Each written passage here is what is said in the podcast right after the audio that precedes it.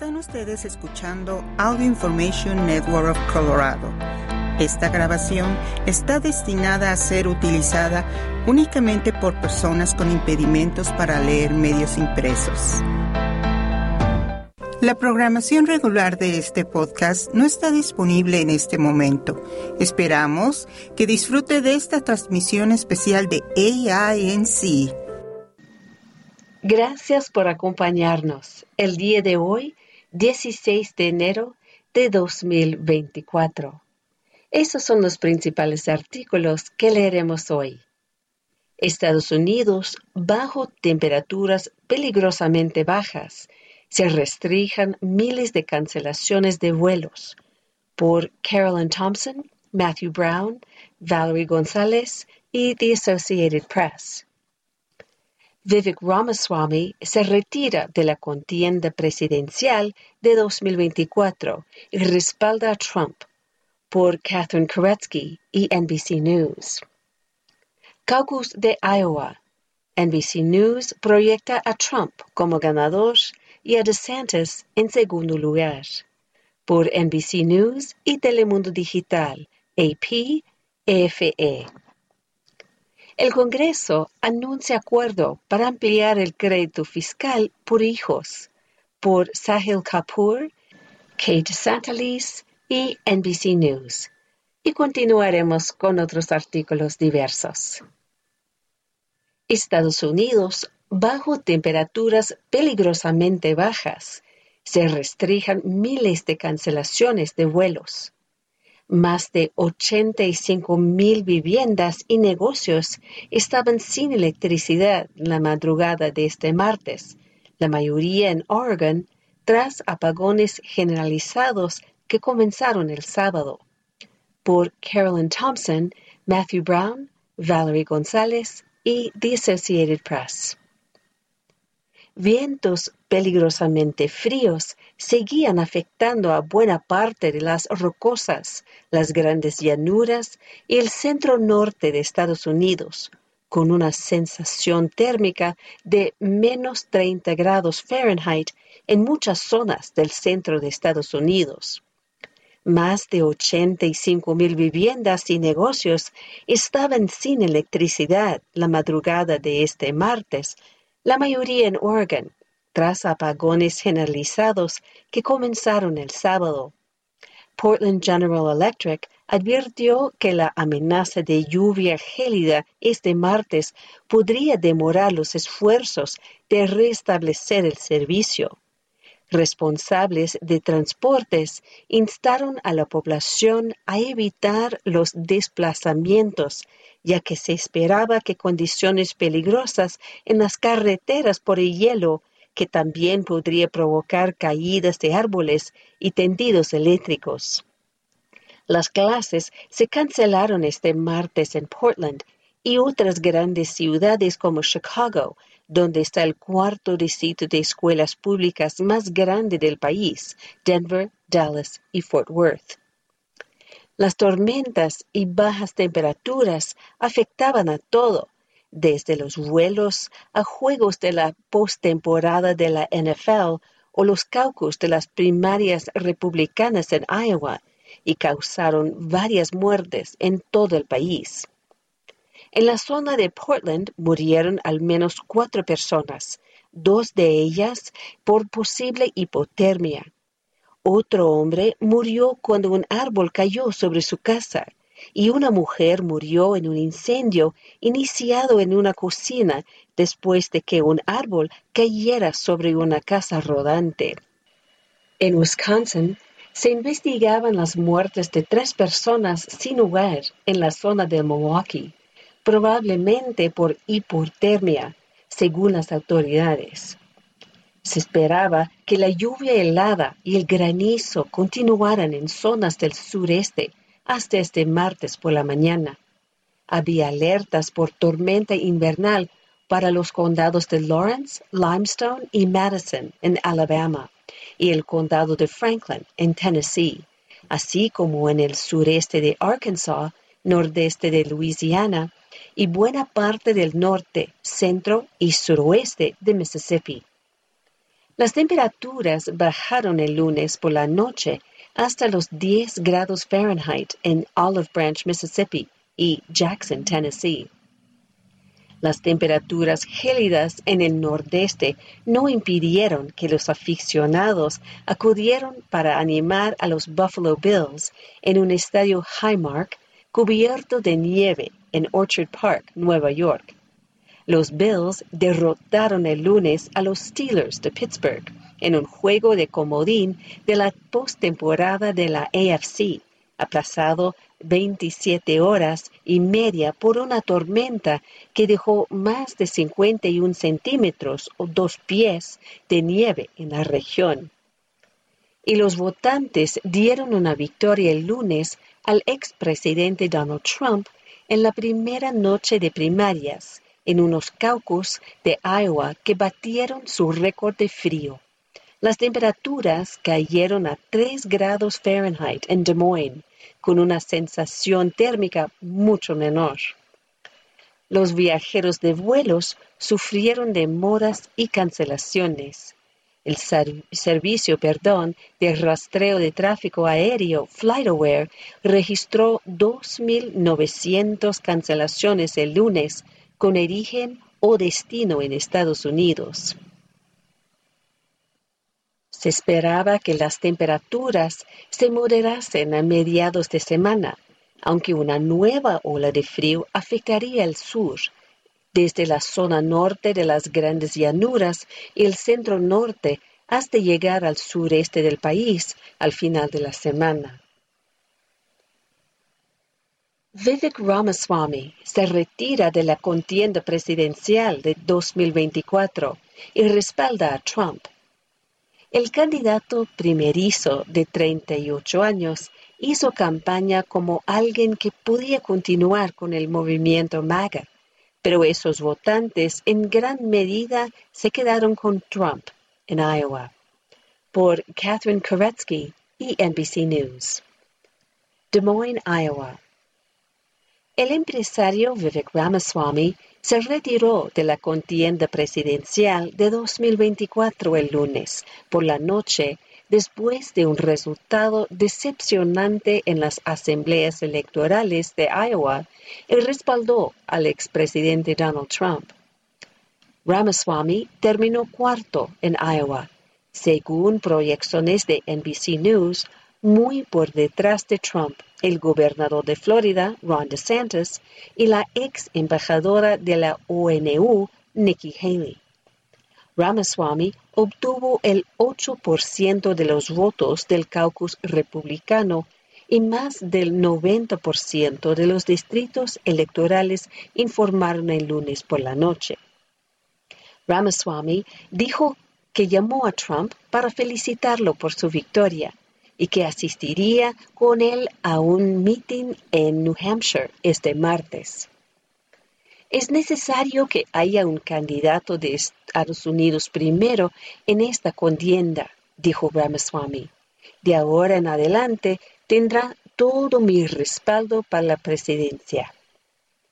El empresario de 38 años no era muy conocido cuando se presentó a la carrera en febrero de 2023 en su primera candidatura a un cargo político.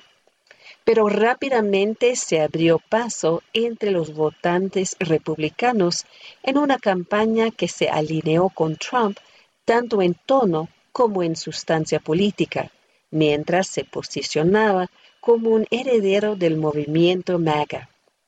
Pero su campaña no pudo quitarle mucho apoyo a Trump quien conservó la lealtad de los votantes republicanos a pesar de los esfuerzos de Ramaswamy por convencerlos de que estaría en mejores condiciones de impulsar la agenda de Estados Unidos primero que él y Trump defendieron y no pudo atraer a la oleada de asistentes por primera vez al caucus, que a menudo decía que estaban preparados para impulsarlo en Iowa. A medida que la campaña se acercaba al día del caucus, la retórica de Ramaswamy adquirió un sesgo cada vez más conspirativo, implorando a sus partidarios que despertaran y hablando de complots y fuerzas que trabajaban para dar forma a las elecciones. Su discurso ante los fanáticos de Trump fue complicado.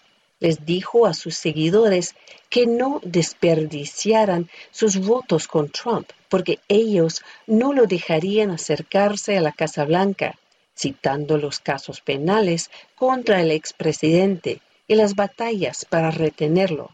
Fuera del boleto, por motivos de la decimocuarta enmienda en Colorado y Maine.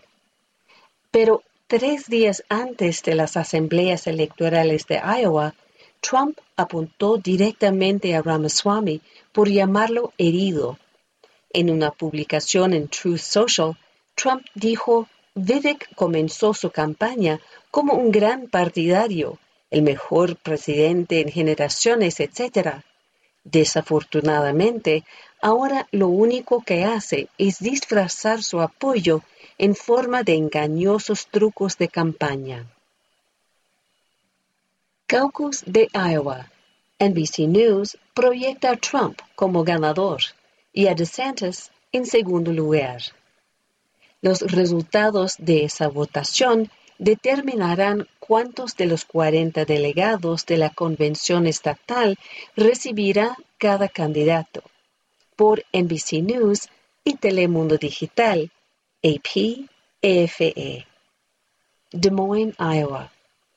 Donald Trump ganó los caucus de Iowa, según la proyección de NBC News, consolidando su firme estatus como favorito para la nominación presidencial republicana. Trump, que aspira a ser el primer expresidente desde Grover Cleveland en la década de 1890 en regresar al cargo después de perder la reelección para un segundo mandato consecutivo. Obtuvo un resultado récord el lunes en la primera contienda de 2024 recibirá la mayoría de los votos, proyecta NBC News, y su margen final de victoria superará los 13 puntos por los que ganó el senador Bob Dole de Kansas en las asambleas republicanas de 1996. Y el imponente desempeño de Trump es la señal más fuerte hasta el momento de que no hay una demanda decisiva de una alternativa a medida que la carrera se traslada a las primarias de New Hampshire de la próxima semana. Mientras tanto, el gobernador de Florida, Ron DeSantis, se impuso a la ex embajadora de la ONU, Nikki Haley, en lo que se convirtió en la batalla más seguida por el segundo lugar segundo proyecciones de NBC News.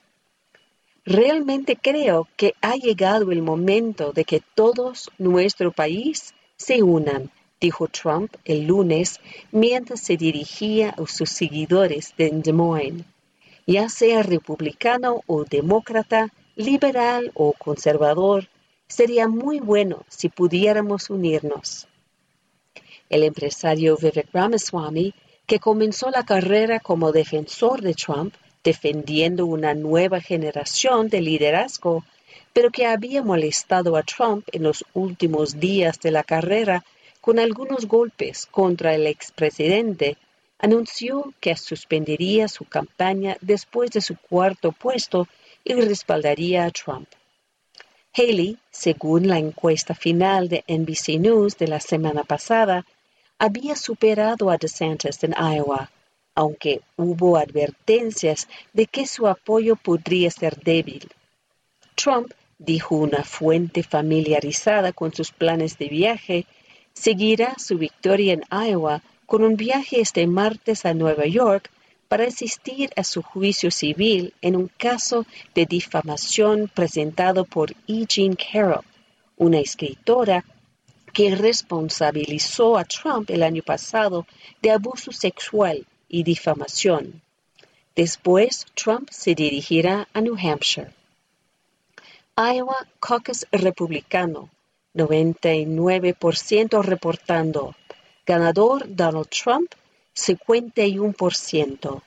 Ron DeSantis 21.2%, Nikki Haley 19.1%, Vivek Ramaswamy 7.7%, Ryan Binkley 0.7%, Asa Hutchinson 0.2%, Other 0.1%, Chris Christie 0%. Los caucusos republicanos en Iowa contaban con cinco precandidatos, quienes aspiran a la nominación partidaria que enfrentará en noviembre al actual presidente demócrata Joe Biden, quien va por la reelección. Todo lo que debes saber sobre las votaciones en Estados Unidos, estado por estado.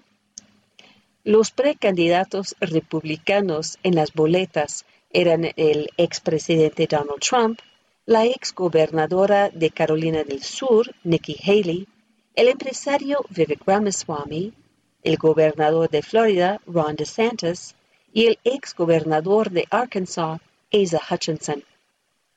Los resultados de esa votación determinarán cuántos de los 40 delegados, delegados perdón, de la convención estatal recibirá cada candidato. Los candidatos ganan delegados a la Convención Nacional en proporción directa al porcentaje de votos que reciben. No se requiere un umbral mínimo para calificar para delegados. Sin embargo, Iowa representa una proporción minúscula del número total de delegados republicanos en todo el país únicamente el 1.6%. Entonces, en teoría, un candidato que obtiene un mal desempeño en Iowa tiene muchas oportunidades en los estados y territorios restantes para compensar con creces la diferencia. Pero debido a que Iowa ocupa el primer lugar del país en el calendario de la campaña presidencial, los resultados de las asambleas a menudo dan un impulso desproporcionado a los ganadores y a aquellos que se desempeñan con fuerza o superan las expectativas, mientras que a menudo tienen un efecto de aventajamiento en el campo al empujar candidatos con bajo desempeño fuera de la contienda. También pueden indicar a los votantes de otros estados de manera justa o injusta, qué candidatos posiblemente se encuentran en mejor posición en la contienda por la nominación y tienen impulso o el gran mo, como lo llamó el candidato George H. W. Bush, después de ganar las asambleas electorales de 1980, de cara a los próximos concursos.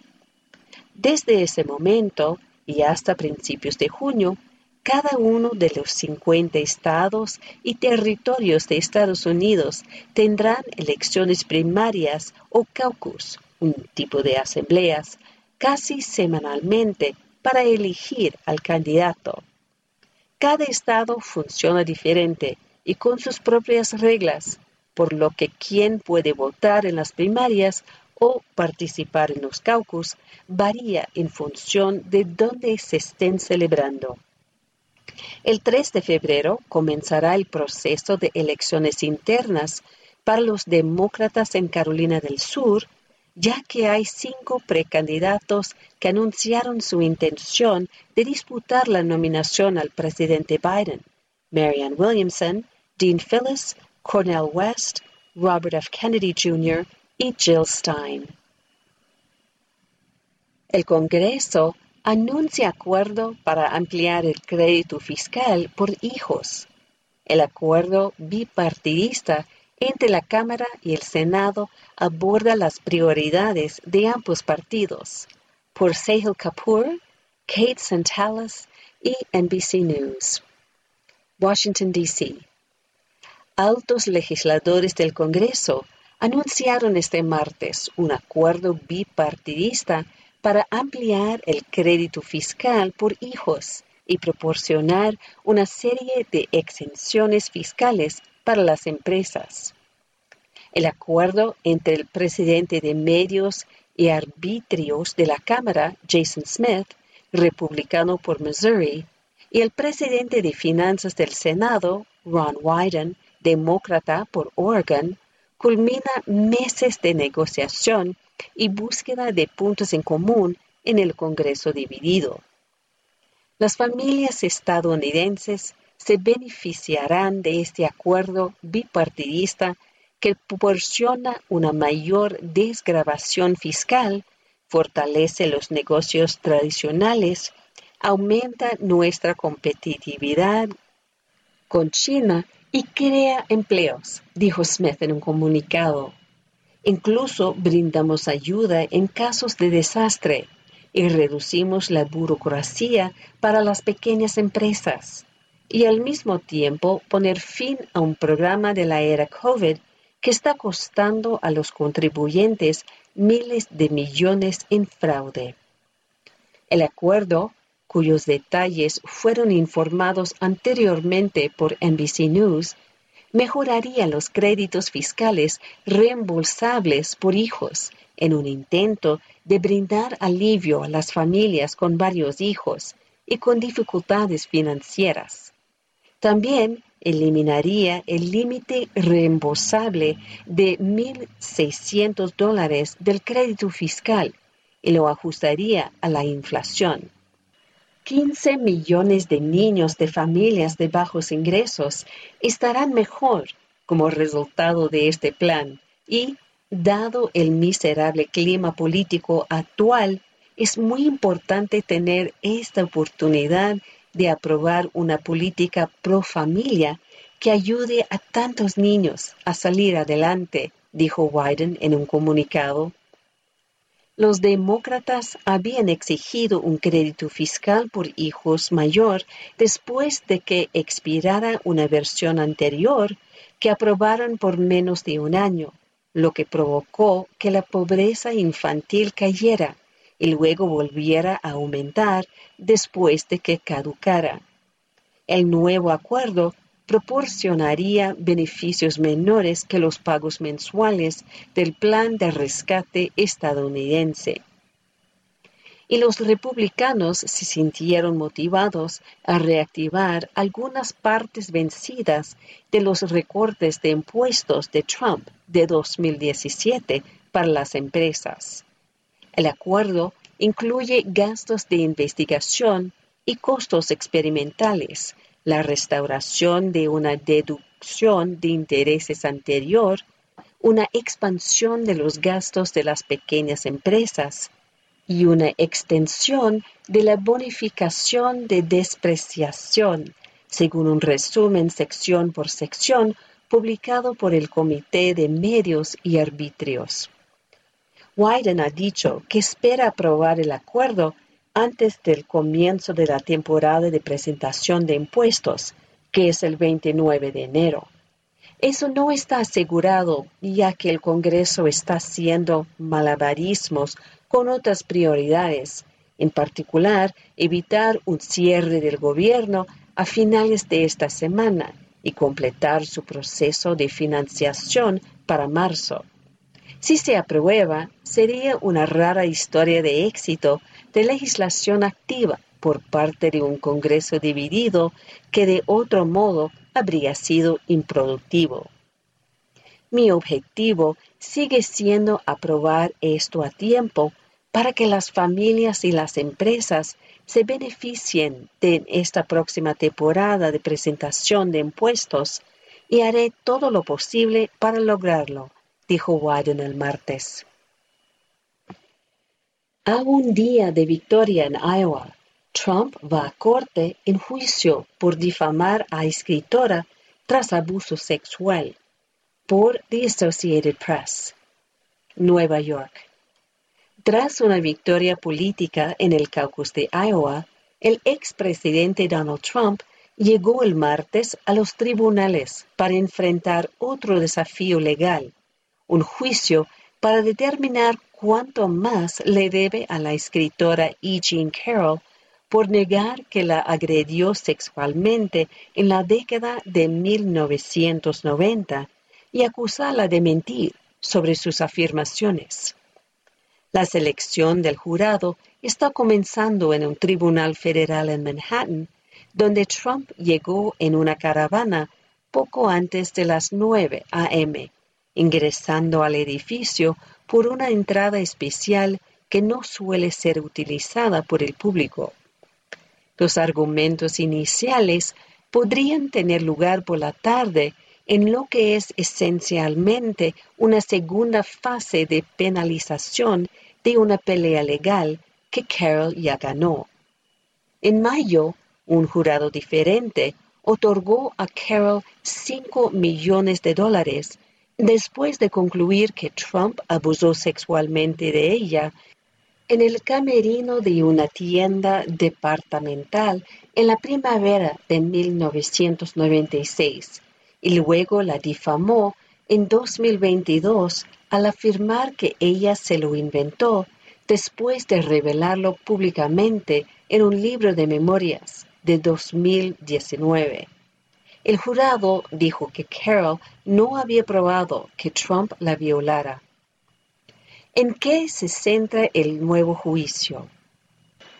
Una cuestión que no se decidió en ese primer juicio fue cuánto debía Trump por los comentarios que hizo sobre Carol cuando aún era presidente. Determinar esa cantidad en dólares será el único trabajo del nuevo jurado.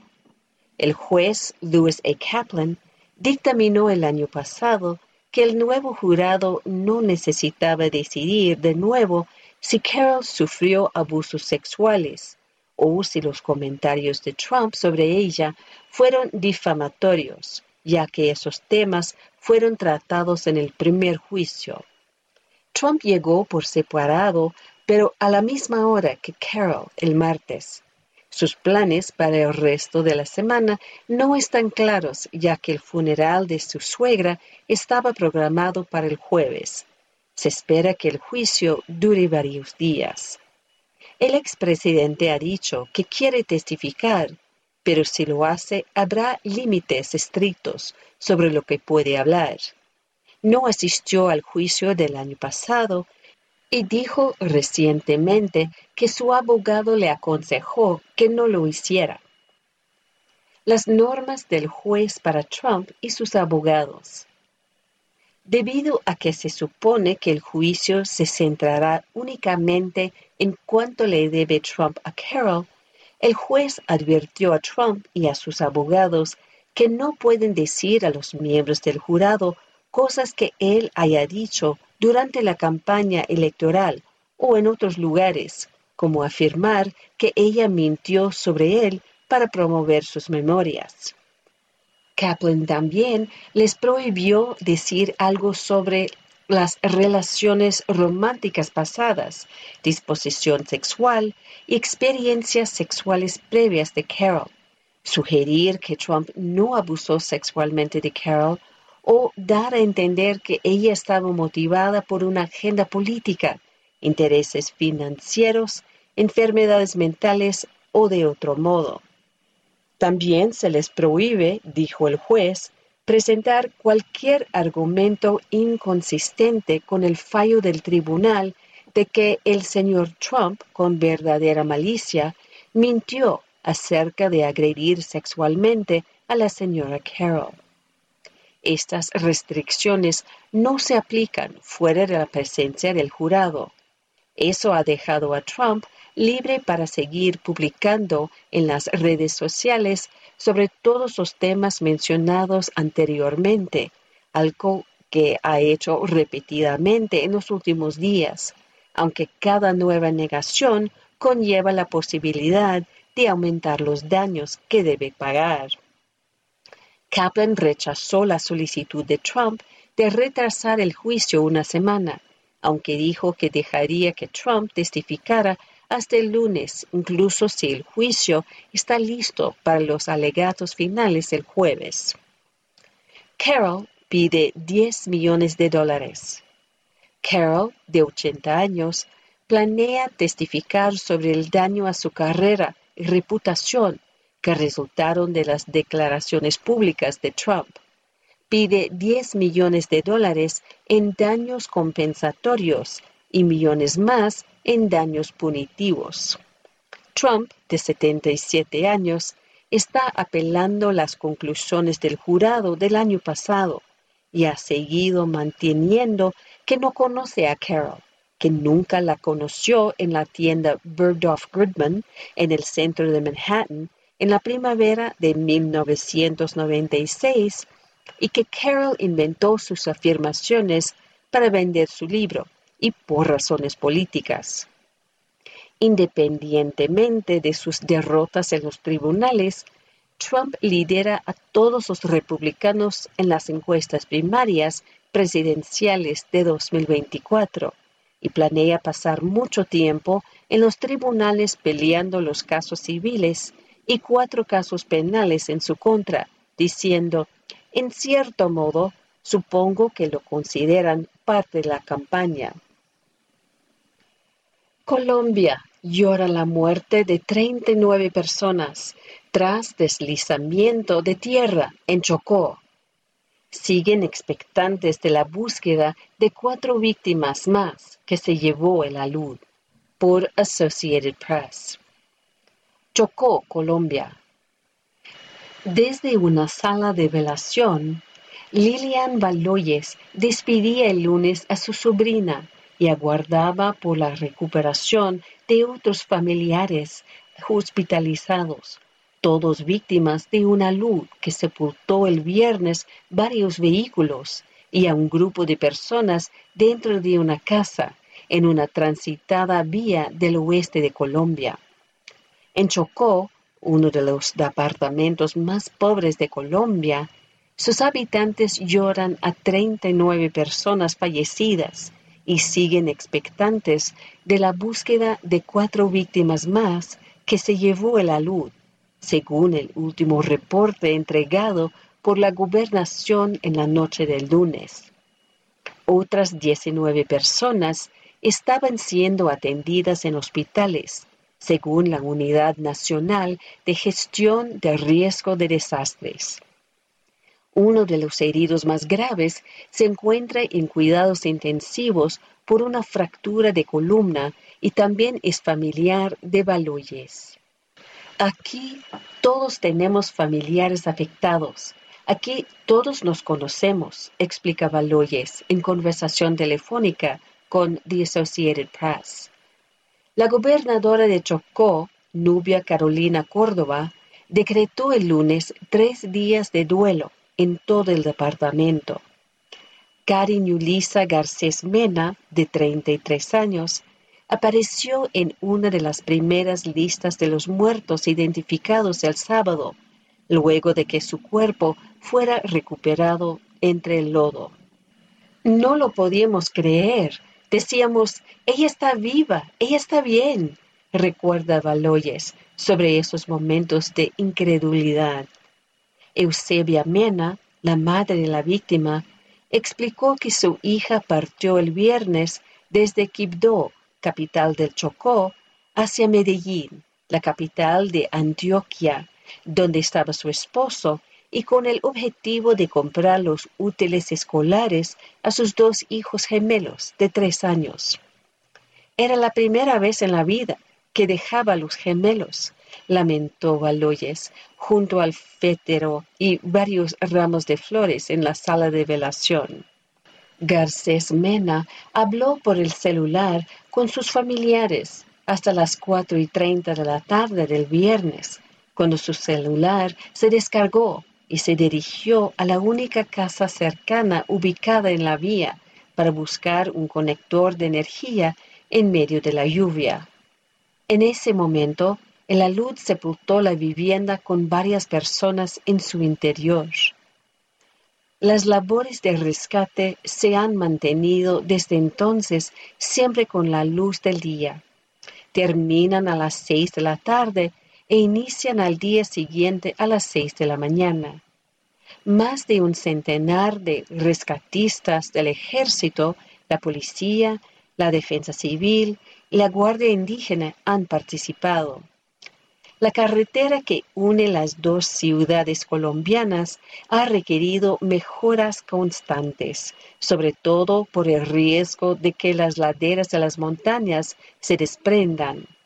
Hace un tiempo el trayecto podría tomar hasta 12 horas. Sin embargo, recientemente había disminuido a la mitad. La tragedia ocurrida el viernes puso el foco en la región y en la carretera. El presidente colombiano Gustavo Petro visitó la zona de emergencia el domingo y luego anunció la declaratoria de estado de desastre natural y la asignación de millonarios recursos para obras que permitan aumentar la seguridad de la vía que se derrumbó en varios tramos.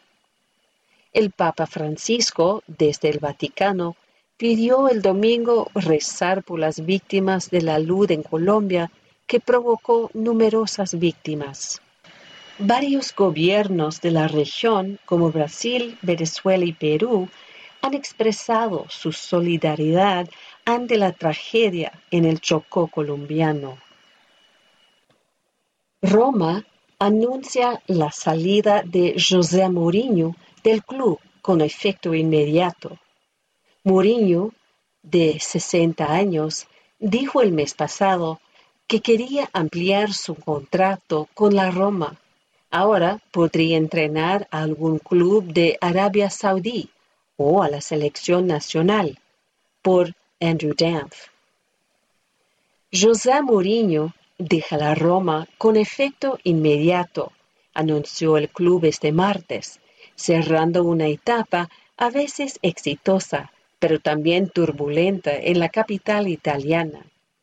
La decisión se produjo dos días después de que la derrota por 3 a 1 ante el AC Milán dejó a la Roma en la novena posición de la Serie A y en peligro de no clasificarse para la Liga de Campeones por sexta temporada consecutiva. Además, quedó fuera de la Copa de Italia tras perder el derby romano con el Lazio. Esta era la tercera temporada de Mourinho en el club romano, donde tenía contrato hasta junio. En su primer año llevó a los Giallorossi a conquistar la Conference League de la UEFA y el curso pasado disputó la final de la Europa League. Pero Mourinho recibió también varias sanciones por sus protestas y críticas a los árbitros, algo que no gustó nada a los propietarios estadounidenses del club. La UEFA sancionó al entrenador portugués con cuatro partidos de suspensión en competiciones de europeos por insultar al árbitro de la final de la Europa League en un garaje del estadio luego de la derrota de su equipo frente al Sevilla.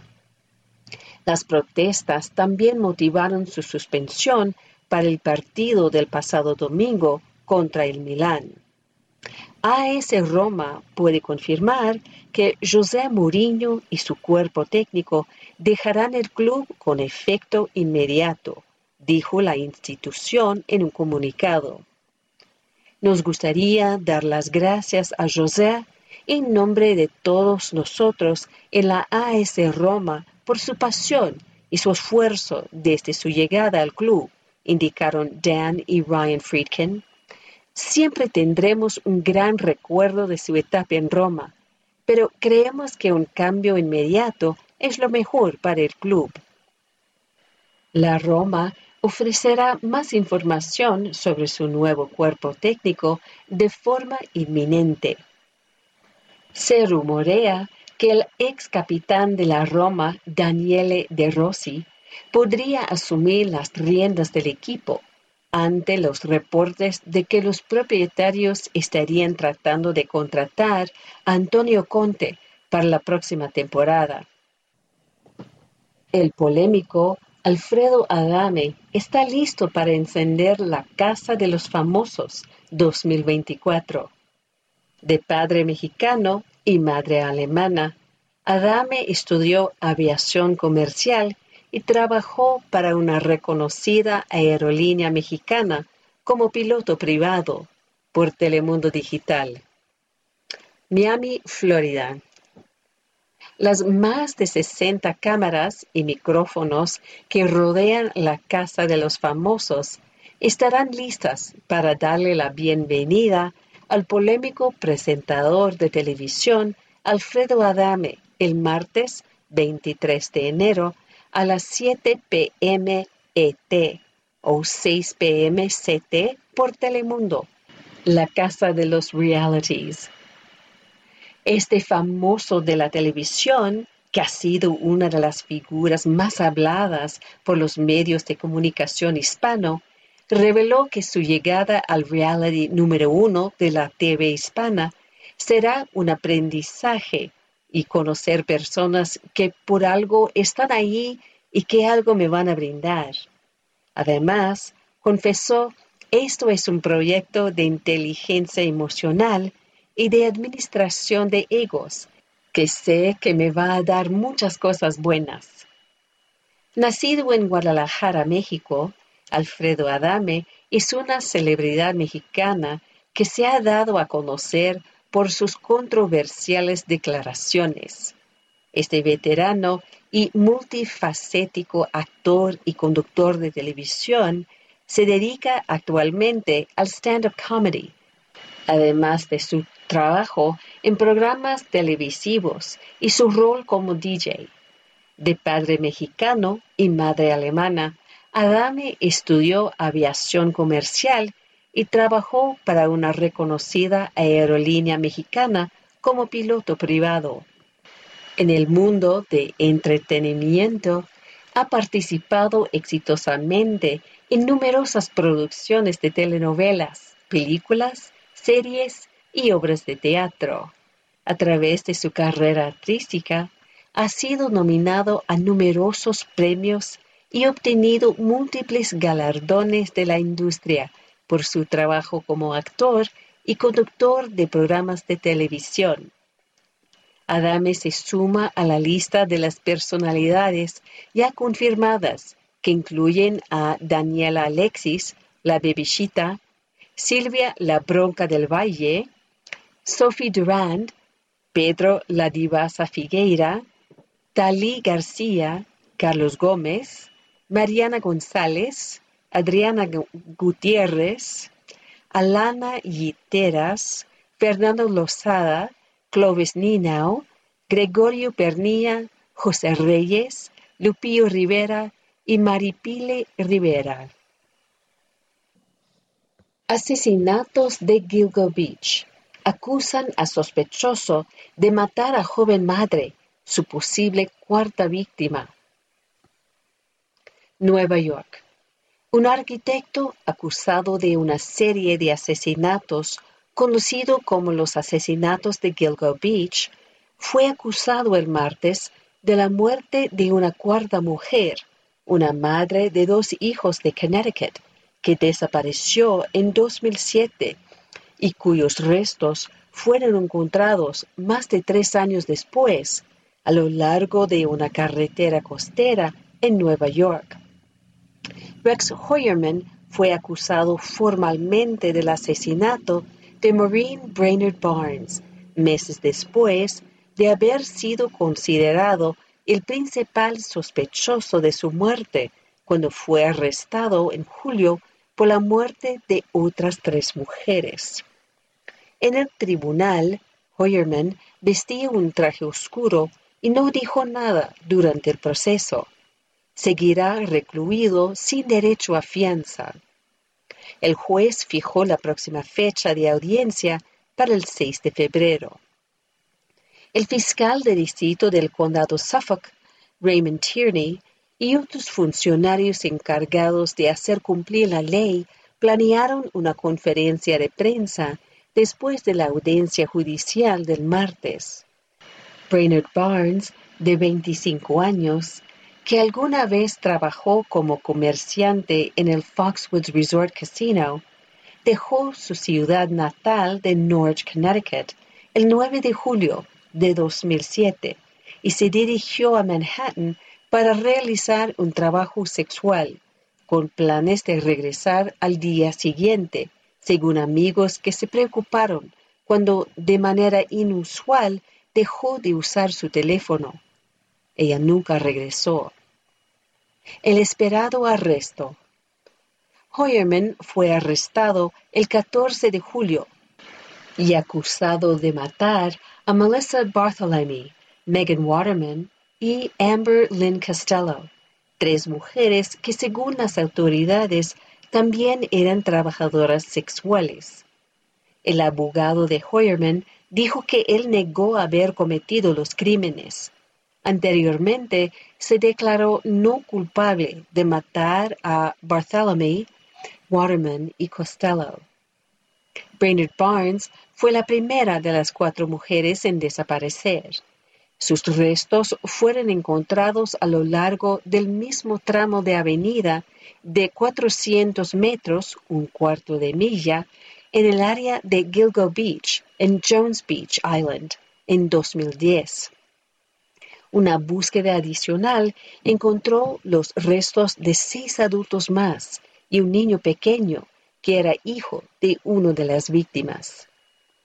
La, la policía perdón, concluyó que una undécima persona encontrada muerta en un pantano de marea en la misma isla Barrera se ahogó accidentalmente. Los investigadores han dicho que Hoyerman, que vivía en Massapequa Park, al otro lado de la bahía, donde se encontraron los cuerpos, probablemente no fue responsable de todas las muertes. Algunas de las víctimas desaparecieron a mediados de los años 1990. Los investigadores se concentraron en Hoyerman cuando un nuevo grupo de trabajo revisó un viejo dato sobre una camioneta Chevy Avalanche a través de una base de datos de registros de vehículos. Se obtuvo un resultado que identificó una de esas marcas y modelos pertenecientes a Hoyerman que vivía en un vecindario en el que la policía se había centrado debido a los datos de ubicación de teléfonos celulares y registros de llamadas, dijeron las autoridades.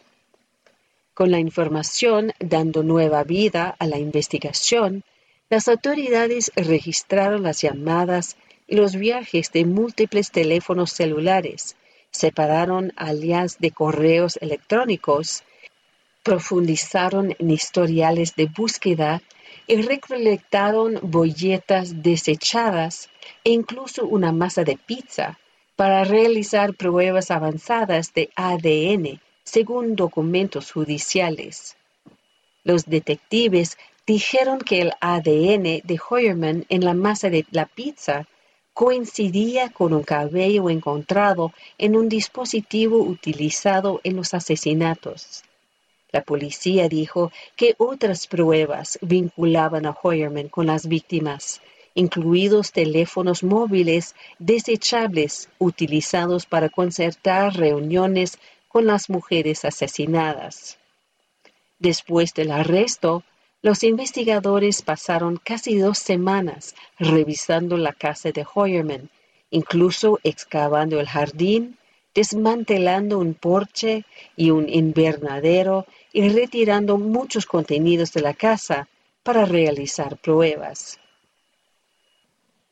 Succession domina los Emmy de drama, The Bear se apodera de la comedia y Brunson hace historia.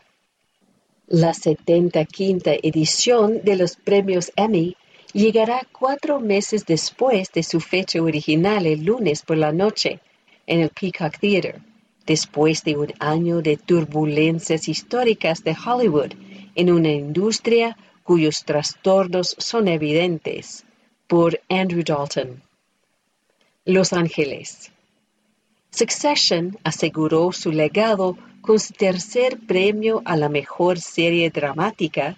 The Bear se convirtió en la mejor comedia de la noche y las dos producciones sobre familias en pleito dominaron los premios de actuación en los Emmy del lunes por la noche.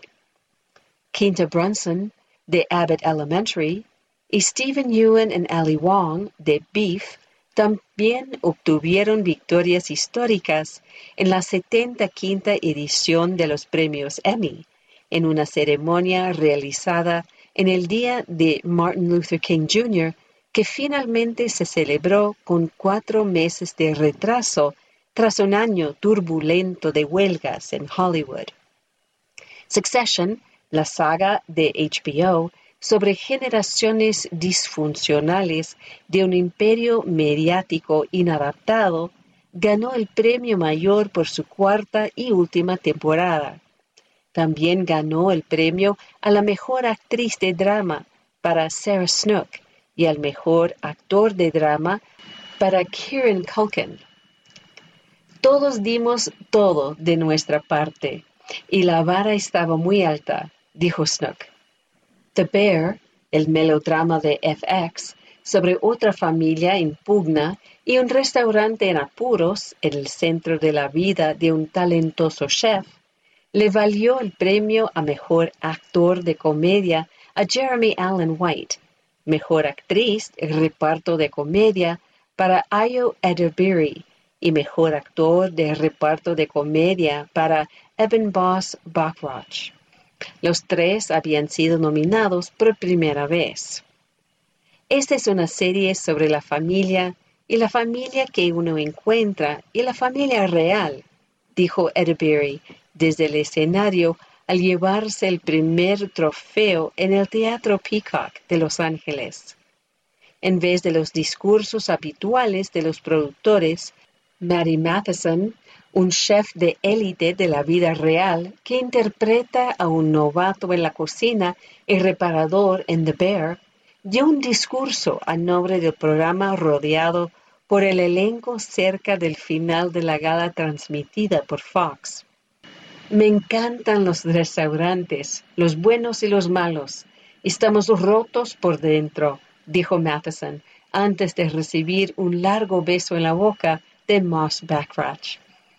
Brunson ganó el premio a Mejor Actriz de Comedia por la serie que creó Abbott Elementary de ABC, convirtiéndose en la primera mujer negra en ganar el premio en más de 40 años y la primera de un programa de televisión abierta en ganarlo en más de una década. Estoy muy feliz de poder vivir mi sueño y actuar como comediante, dijo Brunson, durante su discurso de aceptación, tratando de contener las lágrimas. La guionista y actriz fue una de las estrellas con estilos destacados en la alfombra plateada de los Emmy. Succession ganó seis premios Emmy en total, incluyendo Mejor Actor de Reparto de Drama para Matthew McFadden y Mejor Guión de Drama para el creador de la serie Jesse Armstrong. La única categoría de actuación dramática que no ganó fue la de actriz de reparto, que se llevó por segunda vez Jennifer Coolidge de The White Lotus. The Bear venció en todas las categorías a las que fue nominada el lunes por la noche, y junto con las cuatro que había ganado anteriormente en los Emmy de las Artes Creativas, obtuvo 10 premios en total, la mayor cantidad entre los nominados. Victorias históricas. Beef de Netflix ganó el premio a la mejor serie limitada, mientras que Yuan y Wong se convirtieron en los primeros estadounidenses de origen asiático en ganar en sus categorías, Yun como mejor actor en una serie limitada y Wong como mejor actriz. El creador Lee Sung ganó un Emmy por escribir y dirigir la serie.